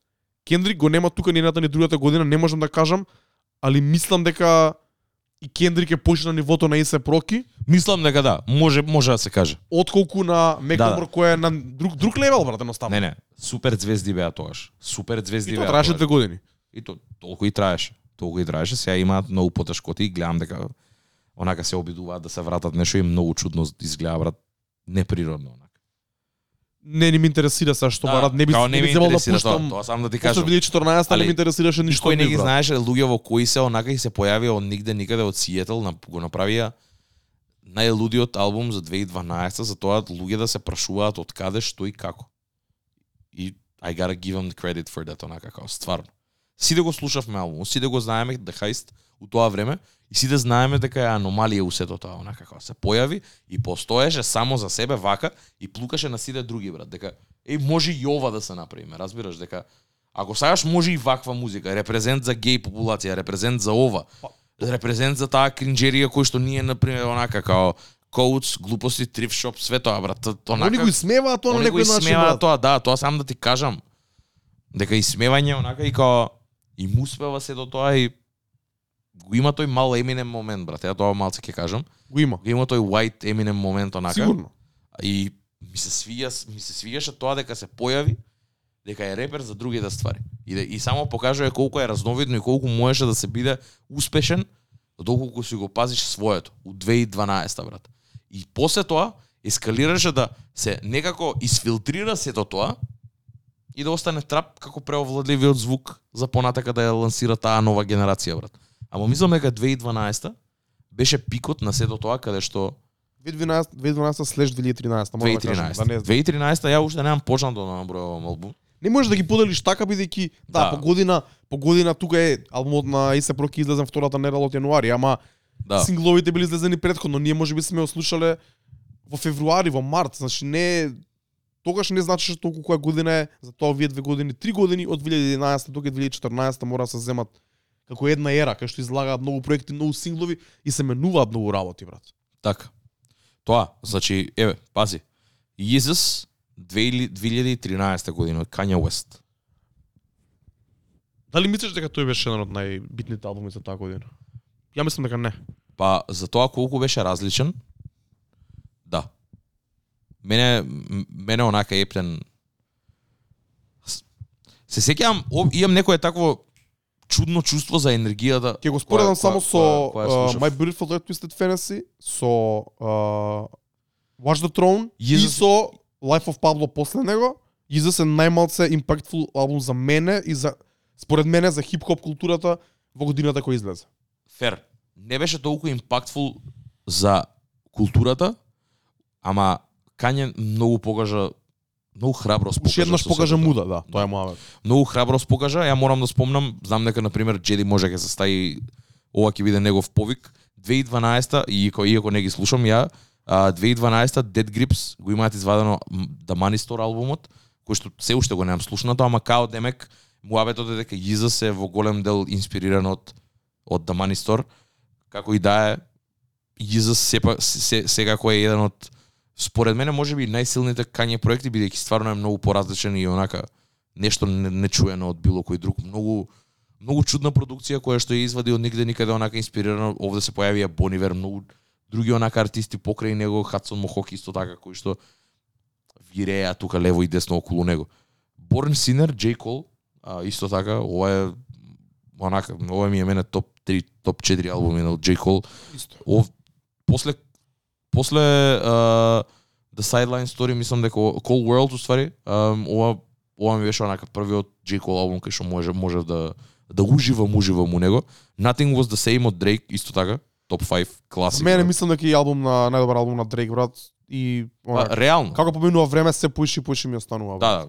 If you're reading this views и, и онака и nothing was the same. Тие три ми се онака трилоджи, оно тоа ми е ти тие три ми се онака стейпл за за Дрейк. Ако некој ме праша што треба да слуша од Дрейк, тоа ќе му кажам. Watching movies with the sound of Mac Miller, Long Live ASAP, исто така Дарко го спомна, My Name is My Name, Pusha T, Because the Internet, Childish Gambino, исто така, 3005, Bad Peace, све тоа. Како албум го немам никогаш, може би преслушано, ама тие некои синглови кои Да. беа стейпл. Churn, да, исто така. Uh, AC Rap, Chance the Rapper, значи 2013, не 2012. Oxymoron, Schoolboy Q, Тоа го слушавме. Stage Repeat, Juicy J, исто така. Hall of Fame, Big Sean, брат. Кои синглови се на тој албум? Тоа е неверојатно со, Со со Control. Иако не постои на, на, на, на, на, на Spotify, нема да ја најдете. Ќе најдете некоја TD верзија. Али Hall of Fame исто така беше онака како направи многу збрки. Многу направи премногу збрки. Тоа беше многу интересен момент у хип-хоп музиката дека створи некако многу несигурности кај многу рапери, брат. Многу јак одзив имаше сето тоа, брат. Многу јак. Као дури луѓе реагираа лошо ако беа спомнати и ако не беа спомнати. Као Кендрик у својот врз спомнува многу млади рапери и као new niggas is just new niggas don't get involved им вика као јас сум со Андре, со Eminem сум, со 50 сум, со тие сум, не сакам да бидам со вас, не се рамнам со вас. И дечко имаше Far Cry и Outcry имаше онака у хип-хоп сцената каде што Джои Бере се лют дека не е спомнат, зашо он не бил спомнат, па дека јас сум од Нью Йорк, ја, ти ли си King of New York, ти си од ти си од Лос Анџелес, мене ми доаѓаш у мој град, ти мене ми викаш дека ти си King of New York имаше многу несигурности. Ова, ова е многу лудо време у хип-хоп музиката, дека онака секој и нивната мајка беа повикани од песнава, брат. Сите онака they felt some type of way, брат. Дали позитивно, дали негативно, некој го почувствува. Ова, ова направи многу добар рифт онака у, у сцената и ги натера рапериве да да рапуваат назад онака како секогаш нели рапериве ние, ние се ние лично си имаме соочувано со тоа дека абе веќе нема субстанца, не се збори за ништо, дроги е само све, секс, курви, дрога. Не. Ова беше моментот кога се покаже и рапериве кога се вратија. Мик Мил направи ремикс, памтам. Епсол се врати исто така како негов лейбл мейт. Джои Берес направи неколку дисови за Кендрик Ламар. Сиде се врати, и се проки има има има респонс на се во ова. Многу рапери се вратија да да израпуваат на се во ова, да се вратат, за да му кажат на Кендрик смири се малце. Знаеме дека си добар, Good Kid Mad City е одличен, ама чекај малце ние да ти кажеме нешто. И многу ми се свиѓаше се до тоа. Магна карта Holy Grail е 2013 брат. Исто така. Old. Албумот со кој Jay-Z се шлепа на Kanye за продолжување на својата кариера. Факти. Факти. Значи, о, ова му дае longevity на, на Jay-Z, онака му ја продолжи, му ја врати кери... Кредибилитет во новата После, генерација. после Watch the Throne ова беше следното. Watch the Throne беше прво, ова беше и- ова беше второто. Ова беше веќе towing онака, ајде, идеме. Спремен ли си? Uh, Old, Дени Браун исто така многу добро. Ова, ова беше малце поинаков звук, него ли предходниот XXX, овде некако се смири со дрогите и со све. Ама овде на пример 2013 веќе алтернативната хип-хоп сцена исто така имаше многу добар замав. А, и затоа овде ги имам спомнато Дорис, Earl Sweatshirt, ова беше првиот албум, онака чам која ја чув, чув прв пат, ме ме поремети тотално. The Jewels, од the Jewels, исто така. Ex- Excuse my French, French Montana. Хан, Од алтернативната хип-хоп од сцена. алтернативната хип-хоп сцена. Да не убија. Лудило. Лудило, лудило. Ова е, ова, ова е албумиште ипол, брат. Кетчуп од DJ Mustard, исто така. Uh, Indigoism од Underachievers. Тука се Young Rich Young Rich Nation, Migos. Ова е веќе ова е веќе тука Versace. Се појави Versace, бе, брат. Прв пат пуштање, онака, рефренот е 10 пати го кажува Versace зборот, ништо друго. Не знаеш, не знаеш како се осеќаш, брат. Versace, Versace, Versace. Прво се викаш што куре ова, бе, и после минута време вака бе. Многу, многу луди времења, брат. Посебно кога си 18 години, кога се ти интересно. 18-20 години кога си мало онака, кога имаш енергија, кога си кога искажаш, кога пиеш алкохол, кога се гледаш со девојчиња, се дружиш, хаха хихи, покажуваш нова музика, луѓе не се согласуваат со тебе, имаш другари кои што слушаат, ама не слушаат, имаш другари кои што слушаат, пробуваш да си најдеш нови другари кои што слушаат таква музика. Све тоа се дешаваше у 2013 и многу беше убаво, брат. И исто така уште еден албум, Random Access, Access Memories, брат, Daft Punk. Исто така. Многу голем албум за таа година, ама поише се фокусирав ја на 2012 него ли на 2013 дека мене 2000 2012 ми остави многу поголем впечаток него ли него ли 2013 пред се. Мора да спомнам само уште два кои ги гледам тука на, на топ 50 листа. Trap Lord од A$AP Ferg, Исто. како албуми, како синглови, како ремикси, како се онака што може да се спомне Може ја таму. да, да кажам нешто брат. Ајде. Trap Lord е боле албум него ли Long Live ASAP брат. Брат, не знам, како албуми можеби да, не знам, може да ги споредиме.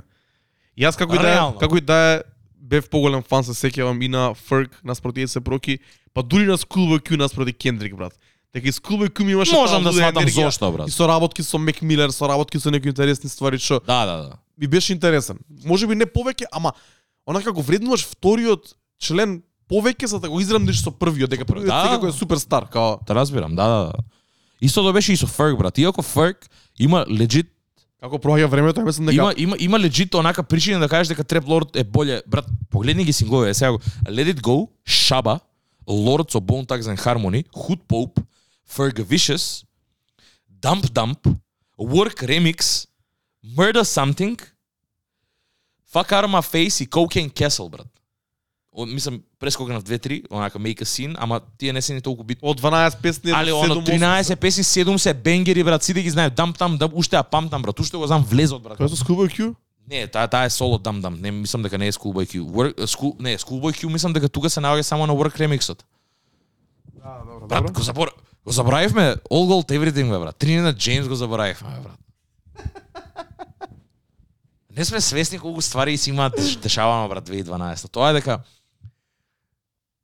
као се губевме 2011 кога правевме, али мислам дека сега се губиме уште толку поише. Се, губиме у смисла дека гикаме за, за стварите кои што ги имаме, ги имаме искусено и сега се сега се присетуваме на нив дека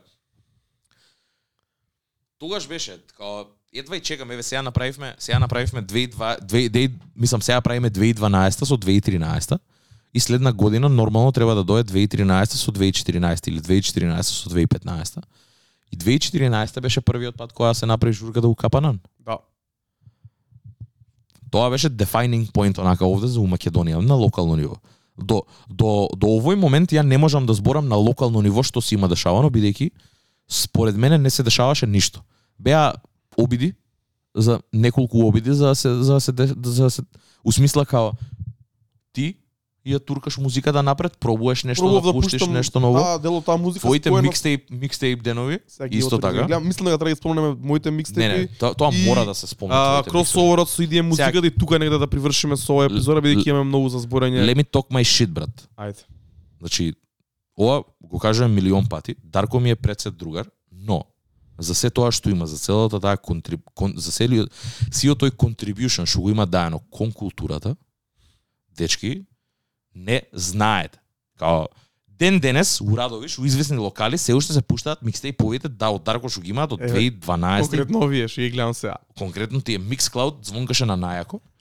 Ги имавме сите микстейпови, Дарко беше on his mixtape shit 2011 2012 2013 on some new shit. 2012 Тие беа многу добри моменти. 2012 swag. Брат, тие се тие се мали моменти кои што Знаеш колку е беше битно брат у 2012 кога немаше Spotify ти тебе некој да ти дае миксче од сати 30 брат, сати 40 од све најново брат. Знаеш колку беше битно тоа, брат? Да. Беше извор Свесен си дека дека е тоа извор на музика за многу луѓе, извор така? на музика за многу. Може би луѓе. мене лично не ми требало, али ја на пример тоа ми дава па шанса сите песни што сум ги знал да ги слушнам без да се замарам, да ги сортирам. Да, да. И само го пуштам миксот.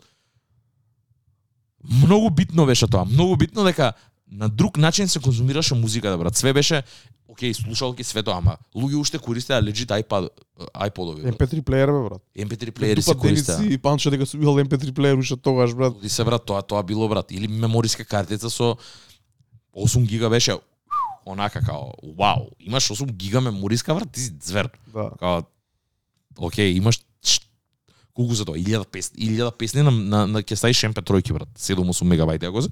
Ги лупам сиде ја. Ја тогаш у тоа време, значи се уште бев онака по поише се враќав за радовишна релација, можеби на 2-3 недели се враќав 2012 брат, идење дома, симнуење све у еден ден, трошење интернетот за сите пари и префрлање старата музика, вадење од телефон, ставање нови 500 до 1000 песни, брат.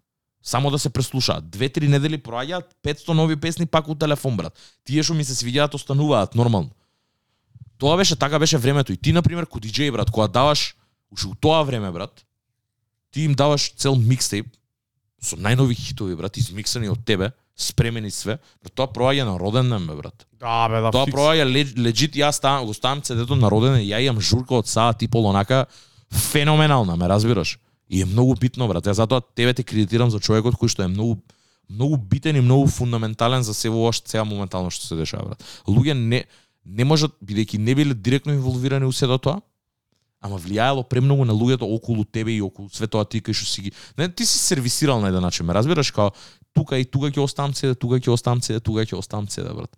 Урадовиш ден денес ти викам имаат да останато моменти која ќе го пушта тоа цела да брате ги знам унапред песните како влагаат Дарко знам како се транзициите веќе ми се влезени овде у да. И тоа е многу битно, брат. И значи затоа затоа го, го велам ова, брат.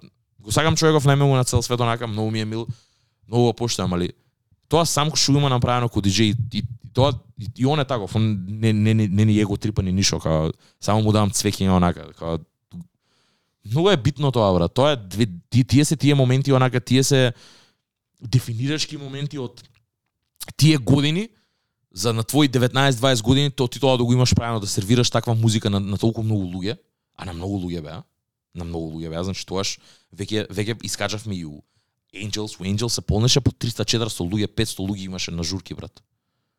Не, не, и многу, гледам дека имаше многу views, имаше многу лисенс онака. Стварно имаше и- има импакт. Миксовите што беа закачувани, не беше Многу така влијание имаше закачувани. сето тоа и мислам дека тоа беше и многу битно, брат. Дека многу смени работи, дека прво почна со, со своето друштво, па со моето, па навака, па натака. И луѓе едноставно се заразуваа со новата музика, брат. Сваќаа дека ова е, ова е тоа новото, ме разбираш, и дека луѓе кои што можеби не очекуваш. Конкретно е на пример твоето друштво, брат. Кога ќе пуштиме over, кога ќе пуштиме headlines, кога ќе Така. пуштиш нешто такво, реакцијата е сека таква и свикаш, брат, ова Дарко го има направено у 2011, 2012, кој иск... Он ги тровел со песниве тогаш, брат. Затоа тие тие песни остануваат, брат. Врежани се длабоко у меморија и онака као луѓе само си ги акцесираат, до влагаат у нив, ги зимаат и се смеат, брат. Само може да се смеат, само да се, да се смешкаат и убаво да им е на, назад, брат. Затоа сме такви носталгични, затоа сме толку ги романтизираме цели, целите години, ама мислам дека се оправдани, бидејќи стварно многу добра и квалитетна музика искачаше што за тоа време беше groundbreaking на свој начин. Пази ја трак листата за Swag 2012 која е всушност the best of Така? 2012 микс. Talk your shit. Diamonds ремик, е, ремикс од Kanye West, тоа ми е интрото. Има многу добар ремикс Kanye тука кој Кање има одличен ремикс на, на која, да, која да, да, трае да, многу долго за Да. тоа искористено некако интро. Strip од Крис Браун, Two Reasons, Trey Songs и T.I., Ball, T.I. и Lil Wayne, Fade It, Taiga, Fucking Problems, A$AP Rocky, Two Chainz, Drake и Kendrick Lamar, Thrift Shop, Macklemore и Ryan Lewis, The Motto, Drake и Lil Wayne, што може би излезена во 2011, ама да. тогаш поспори да работите, Rex City, Taiga, Mercy, Good Music, No Lie, Two Chainz и Drake, Benza Make a Dance, Juicy J, Lil Wayne и Two Chainz, Classic. Niggas in Paris, Pop Dead, French Montana, Same Damn Time Remix, Future и Didi. Wild Boy, Bad Boy Remix, го спомнавме пред. Да. Hail Mary од Trey Songs, Young Jeezy, Lil Wayne. Леле. Birthday Song, Two Chainz и Kanye West. Classic. Work Hard, Play Hard од Wiz Khalifa. Исто. Bad Girls, MIA или Mia. Take It To The Head, DJ Khaled, Chris Brown, Rick Ross и Nicki Minaj. Fair. Swimming Pools, Kendrick Lamar. Celebration, која спомнавме, The Game, The Chris Game. Brown, Tyga и Wiz Khalifa. Amen, Mick Mill и Drake. Let Me See, Asher и Rick Ross. Леле. Леле. MMG Deep Cut, брат. Ова е, ова е хаос. 2012 Рик Рос го подпиша Омарион, Омарион и Јашар ги подпиша на по еден албум за MMG. Лудило. Еј ги, најголемиот Радович хит, Do My Dance, Tyga и Dance. Two Chainz. Радович stand up. Birthday Cake, Rihanna и Крис Браун, Click, Big Sean и Голди од ASAP Rocky. Дарко, Мислам дека е одлична селекција. Ова сега ова е 2012. О, пушти ми го, сега миксов, те молам, стисни плей, брат. Реално направиме муавет, брат. Добро е ова, ова е стварно добро. Ова е стварно добро и ќе се префаламе на органи- ќе следниот. организираме една журка, се преправаш дека пушташ музика, ама само ќе стиснеме плей на микс. Овие два микса на, ова, на овие два микси и да видиме дали луѓе ќе се забавуваат. Ова е следниот микс. Социјален експеримент ќе направиме. Лудило. Таго ја ири скреч на всеки 5 Лудило. Да, минути. да, да. Айри скреч сине. И многу и многу диџеи беа, многу диџеи беа она пробиени дека ги пуштаат моите миксови или исечоци од миксови кога ги чуеше на сред Да, бе, песна. брат, транзициите исти беа, бе, И брат. на така сред песна Айри скреч, онака да слуша некој друг пушта. Не заебавај. Све тоа, затоа ти викам, не е, не е за џабе, не го велам за џабе. Пази го и ова само. Но, Многу си битен на сценава за се тоа што си има десено моментално. Слушам. Ова е just different, предпоставам дека е 2013 нешто измеѓу 2012 и 2013 по според песните што ги гледам тука. Bitch Don't Kill My Vibe, No New Friends, DJ Khaled и Drake, I Love This Shit, August стал си, да? You Don't Even Know It, Rocco, Airy, T.Y. Dollar Sign и Wiz Khalifa, Love Me, uh, Good Cushion Alcohol, Show Out, Juicy J, One of Those Nights, Juicy J, The Weeknd, со семплото The Weeknd, uh, Put It Up Rihanna, Type of Way, Rich Comic One, Versace Remix, No Worries, Lil Wayne, Ain't Worry About Nothing, French Montana, Work Remix, Bugatti, Ready од B.O.B. и Future, Bounce It, Juicy J Train Songs, така.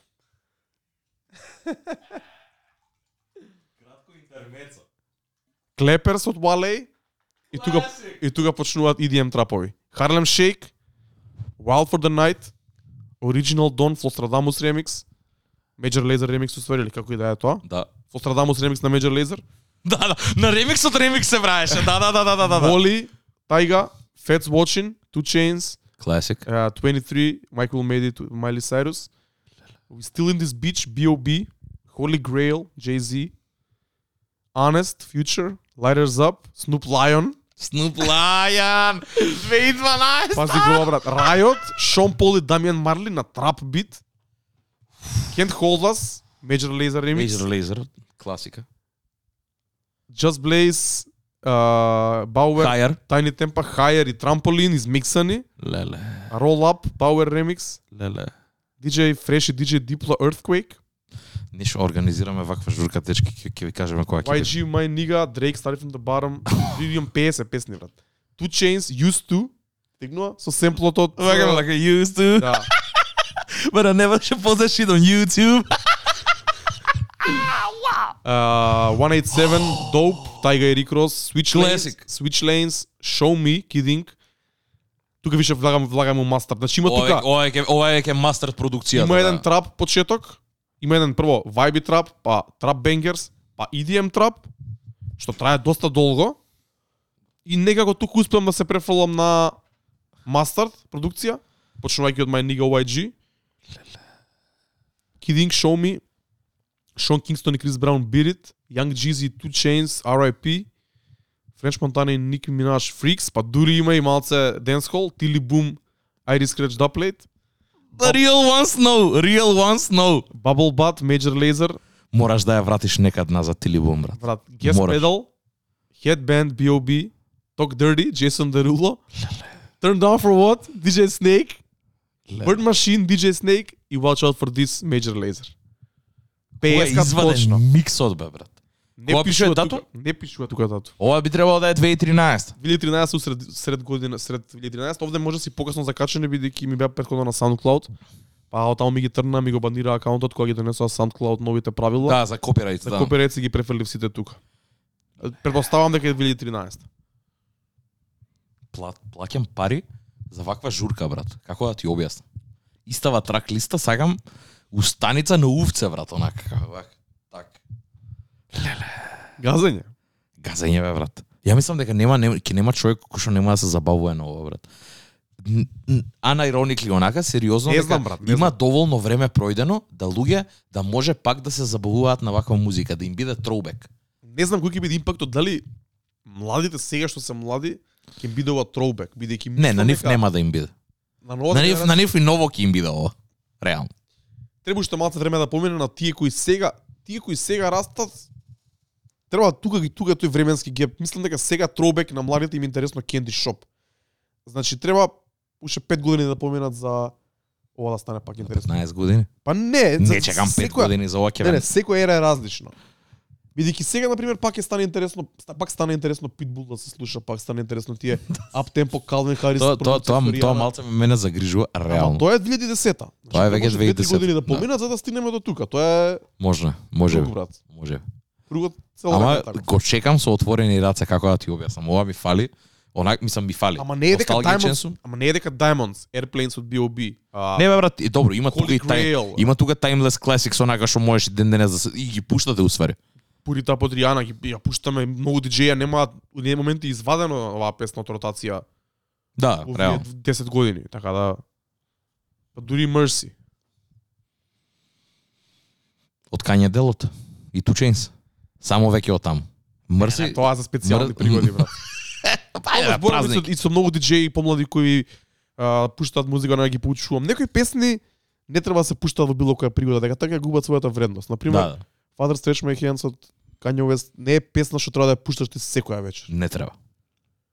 Така се губи магијата на самата песна. Тоа треба тебе прво пред се да те понесе. Тебе пред се, онака само и таа песна се пушта само on the one, брат. Тоа не се пушта на ништо друго, брат. Да. Тоа кратиш све што имаш пуштено моментално и го фрлаш, брат. Да, најмногу. да, да. Онака и сите луѓе други што се да ги пресече, да се совземат онака една секунда и да сватат што се дешава и да знаат што следи, у следните 5-6 секунди дур не дропне тоа, брат. Истото важи и за песни како Blood on the Leaves. Blood on the. Leaves. Исто. Да, ако не- мене ако мене не таа ми фали да ја слушам поише. Ама- Сагав поише да ја слушам и дури и у, у ТДФ времењата ми фалеше да ја слушам у сетови. Тоа мора да е или closing, Да. или да е па дури интро за некој за некој слот малце покасно на фестивал, Може. или ептен треба да многу добро да имаш смислено што као каде ќе направиш. Да, концептуално некој треба дека и таква е самата Дека песна. многу многу голем Да, да. а, спорт дел. Многу луѓе не знаат и не се упатени дека устари тоа е устари а, дропот, устари земен од Tonight, албум кој го спомна предходно. Јап. А, Бум, Power, барам, бум, барарам, бум, Power бум, и да, да, да. Лунис. устари Лунис и Хадсон Мохавк. Лунис и Хадсон грешка. Мохок, да. Да. Или Добро, не факите за збор, само може би имам нешто измешано, ама мислам дека тој албум кај што го спомна ти Tonight имаше две EPs, нениот неното EP се наоѓа една песна и мислам дека таму е земен дропот.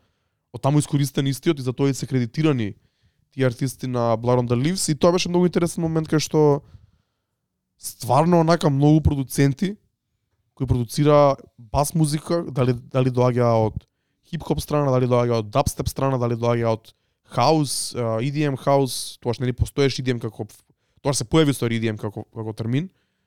Прво за добро, после за лошо, се разбира. Тие ликови стана интересни, тие почна да ги настапуваат тие хедлайнерски спотови на фестивали што беше многу интересно. Брат, Бидејќи големи тие продуценти- фестивали за EDM музика, како EDC, почна да викаат продуценти и артисти од трап светот кои што примерно не прават хардстайл музика 144 такви ап темпо, туку прават даунерки, као смисла, ама се е пунија со тука се појави, го имаме зборено и овој предходно. Kenny Beats е еден од луѓето кои што кои што има почнато Како се прво неговиот неговиот uh, Беше ние Loudpack, Loudpack. Он беше у Буквално Loudpack. истиот. Концепт, он беше продуцентот на сето тоа, а ликот до него не ни беше ни диџеј ни ништо, едноставно беше човек кој што знаеше да го измаркетира цело тоа и го имаше имаше in the industry со онака кај што ги пикаа на на, на сите такви места. Kenny Beats така и почна. Тоа е негова Kenny Beats EDM трапот е влезот у хип-хоп музиката, брат. За него. Хацан Мохок исто така. Сите тие се... Като Мохавке е ликош од, Брит, Британија и кој прави цел живот таква експериментална чудна музика Да. и тули настапуваш и на Exit брат годината која онака 2014 не знам која беше која настапува Па тие... влезе тој, тој, тој, тој трап бранд, он настапуваше на мейн стейдж брат на Exit. Тоа е брат, 2013 исто така ги спомнавме. Fool's Gold Records и Mad Decent ко- како лейблс. Fool's Gold исто така мене хайлайт и тоа го спо- спомнавме и преска. А ми беше исто Old English. Фреди Гипс за уште која ја лично не сум ни знаел за Фреди Гипс. Може би и тоа ми било и првата трака од Фреди Гипс што имам А чуено. не, се, не си го А не сум поврзал. го знаел, не сум го поврзал со Фреди Гипс што- што е. А и на пример као таму таму освен Фреди Гипс беа A$AP Ferg и Young Thug. И тоа е на пример онака. Таа песна им е пуштено лично на Да, да, тоа да и на Трап да фага, тоа беше стейпл. и ја миксано со една песна од Vince Staples, Blue Suede. Blue Suede, леле. Blue Suede е исто 2014 е Blue Suede. Тој период. Да, да. Тоа е North North лудило. Лудило. Тоа е тие тие две колку се heavy bass infused онака, тоа е лудило. Посебно посебно Blue Suede. Blue не Suede има премногу бас. и онака и такви некои Зујат брат, тоа е, звуци, да, да, тоа е овде ушет и мава те онесвестува. Така да Беше интересен тој кросовер, ќе го збориме во некој друго издание епизода многу поише. Нема, мислам дека сега направивме многу добар благодарение пресек. на, на тој трап спој, на тој спој со трап музика, со EDM музика, самата трап музика стана многу популарна на глобално ниво, случувајќи и Македонија. И со самото тоа после остана, кога тој EDM бранд сгасна и стана многу безврска, стана многу искомерциализирани, Да. многу треш. Ептен. Овој другиот правец си го доби својот бранд. Не е Да, дека да. тој не стана после треш после две години, ама се врати топката кај трап раперите. До 2017-18 имавме многу квалитетна трап музика и онака year defining albums и све тоа. Тоа што го збориме сега дека ни фали, мислам дека онака како до 2017-2018 ако имаше, после тоа почна веќе да деградира и да да стигне сега кај што е. И иако не е не би рекол дека е у лоша состојба сега, е у лоша состојба, ме Мислам разбираш? дека ова се последици од бранот на Lil Pump и на 6ix9ine и тој Па тоа. како се вика тој. Ептен го истроши у тој момент. Да. Тоа све што целата енергија ја и тие тие тие неколку артисти онака и испија од сето тоа, го зедува последни послед, последниот бран онака и го фрлија у кант. И мислам дека тоа беше онака како од сето тоа џоинтот од Туш- Титуши ми од Кицо Праската ми е нај најголем хајлајт, ме разбираш дека тоа ми е боле него ли било што сикнеш, сикнеш што има извадено. Така да и, и тоа е многу добар репрезентатив тој коментар сега ја што го даваме како легит за тоа дека единствен хайлайт од сето тоа ти е ремикс на една песна што онака за ебанција пред се. Заради тоа и се слагам, заради тоа велам можеби 2017-18 беше последното кога добивме онака последни такви големи албуми и такви синглови и све тоа, кои што можеби ќе ги паметиме, од тогаш после деградира, ама и нормално е тоа циклуси се на крајот на денот и кој што кажа, ќе се вратат можеби за 5 години од сега ќе се врати тој звук. Ние ќе бидеме тука да го прославиме, брат. Па се разбира, јас сега го, Ние го славиме како и да е. ние го славиме сега и враќањето и на 2000-тите бидејќи за тоа имаме растан. Исто, исто, исто, исто, исто. Исто. Значи Дарко, ова, ова не го спомнавме, дента која се после нова година, 1 јануари, се будам и не знам како стигнав, како како стигнав до тоа. Барав некоја песна од Fabulous, некако нешто напиша Френч Монтана и ми искача една песна која што може би еднаш ја имам само чуено у животот и тоа било кој знае од кога, не се секи, не, Беше сингл таа песна. беше сингл која која искочи тој проект и ја пуштам и онака од нигде никаде почна некој интро за среќна нова година за 1000 Како се погоди брат, не не не, разбирам. немам појма брат се по, се се погодува интрото е за од некоја ТВ емисија нешто појма немам некаков бродкаст и ја најавува новата година од 1998 кон 1999 и тука почна е Fabulous, тука почна е воу, воу, воу, воу. Песната се вика Ball Drop. Ја слушам еднаш со Френч Монтана. Fabulous и Френч Монтана, Френч Монтана, онака пик Нью Йорк рап. Ја враќам уште еднаш назад. Битот ме врати назад у најубавите времења, брат. 2014 така беше? 2014, 2015, да, 2014 искоче на трагата. Ре, брат. Онака ја слушам 3-4 пати.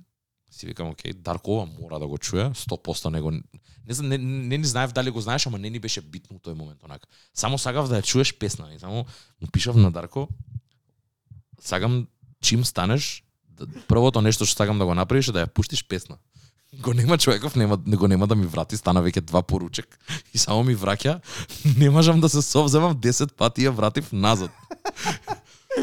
И од тука почнавме муабет да правиме. Ми вика ќе ја пратам на сите луѓе, вика и Прави почна. многи оги вчера ми пиша леле брат како ме погоди со песнава. Три дена у Солун само не ја слушаме. Лудило, брат. И после Дарко спомна за Sanctuary, за случки кои што мислам за за песна која што го потсеќа на друго на друга иста слична таква случка Sanctuary исто така е една многу убава, многу добра песна Шараут Иги Синики. за од Френч Монтана, огромен шараут за Иги Синики и И тоа и тоа е многу чудна комбинација. Да. Иги си Иги Синики е многу чудна и комбинација онака само по себе. Ти рече, ја Иги Синики бевме за Великден три дена заедно на турнеја низ Македонија. Тоа е И ја слушавме Sanctuary, слушавме Rolling Papers од Wiz Khalifa по пат, као такви ствари, да, онака. да, да. У таа ера се вративме и ние. Тоа треба. Иако Ники е многу помлад од нас, а слуша и прати тоа. Така да онака мислам дека годинава како почна, како заврши, како ја дочекавме, беше феноменално. И ова на пример ми го комплетира се до тоа дека стварно сакам, стварно го сакам овој звук, стварно ми остана ту памет онака, многу работи за кои што на пример не можам да се седам последниве 2-3 години, за ова можам конкретно онака. Имам јасни мемории, слики од места, од ствари кои што сум ги правил. И тоа нормално е дека сум бил у младоста, тоа ми било интересно, многу работи ми се дешавале тогаш. Тоа животот онака и животниот квалитет со со сите луѓе кои што ги имам упознано, многу ми се кренал, значи почнал, сум почнал овде низ Скопје многу да се дружам поише. И тебе сум те упознал и као едва и чекам да се врати ова, као да да да да, да биде толку дале далечно за да биде момент за троубек. Чекај брат. Сега упремето дојде. кај што е најдлабоко у старото. ќе дојдеме овде како како и да е, евентуално ќе дојдеме овде. Да, сигурно е тоа.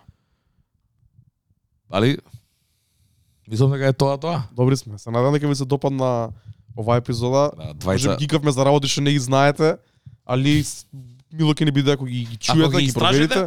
пишете ни, прашајте не за нив, као ќе ви одговориме секако. Пишете ни на дека сега на диск. Дискорд имаше се вратив за нешто зборевте за Мек Милер, не стигнав да го испратам муабетот. да, вчера зборевме за Мек и завчера зборевме за Мек Милер, онака имавме пак уште една дискусија со човек кој што е многу помлад од нас, кој што годинава ќе прави 18 години и онака као ме, не прашуваше и као пробав да објаснам уствари што за што за нас значи Мек Милер го имаме зборено и баш и Мек Милер е у сето тоа брат, као знаеш како? Мек Милер беше у се во ова време беше ризанот на као онака као се губиш у трап музиката, у, у, у звукот, у све тоа и као идеш после кај Мек и те враќа као у некоја нормала, као так тука е, онака Мекаделик, Мекаделик имаше и многу кон, кон, conscious моменти, не беше само loud.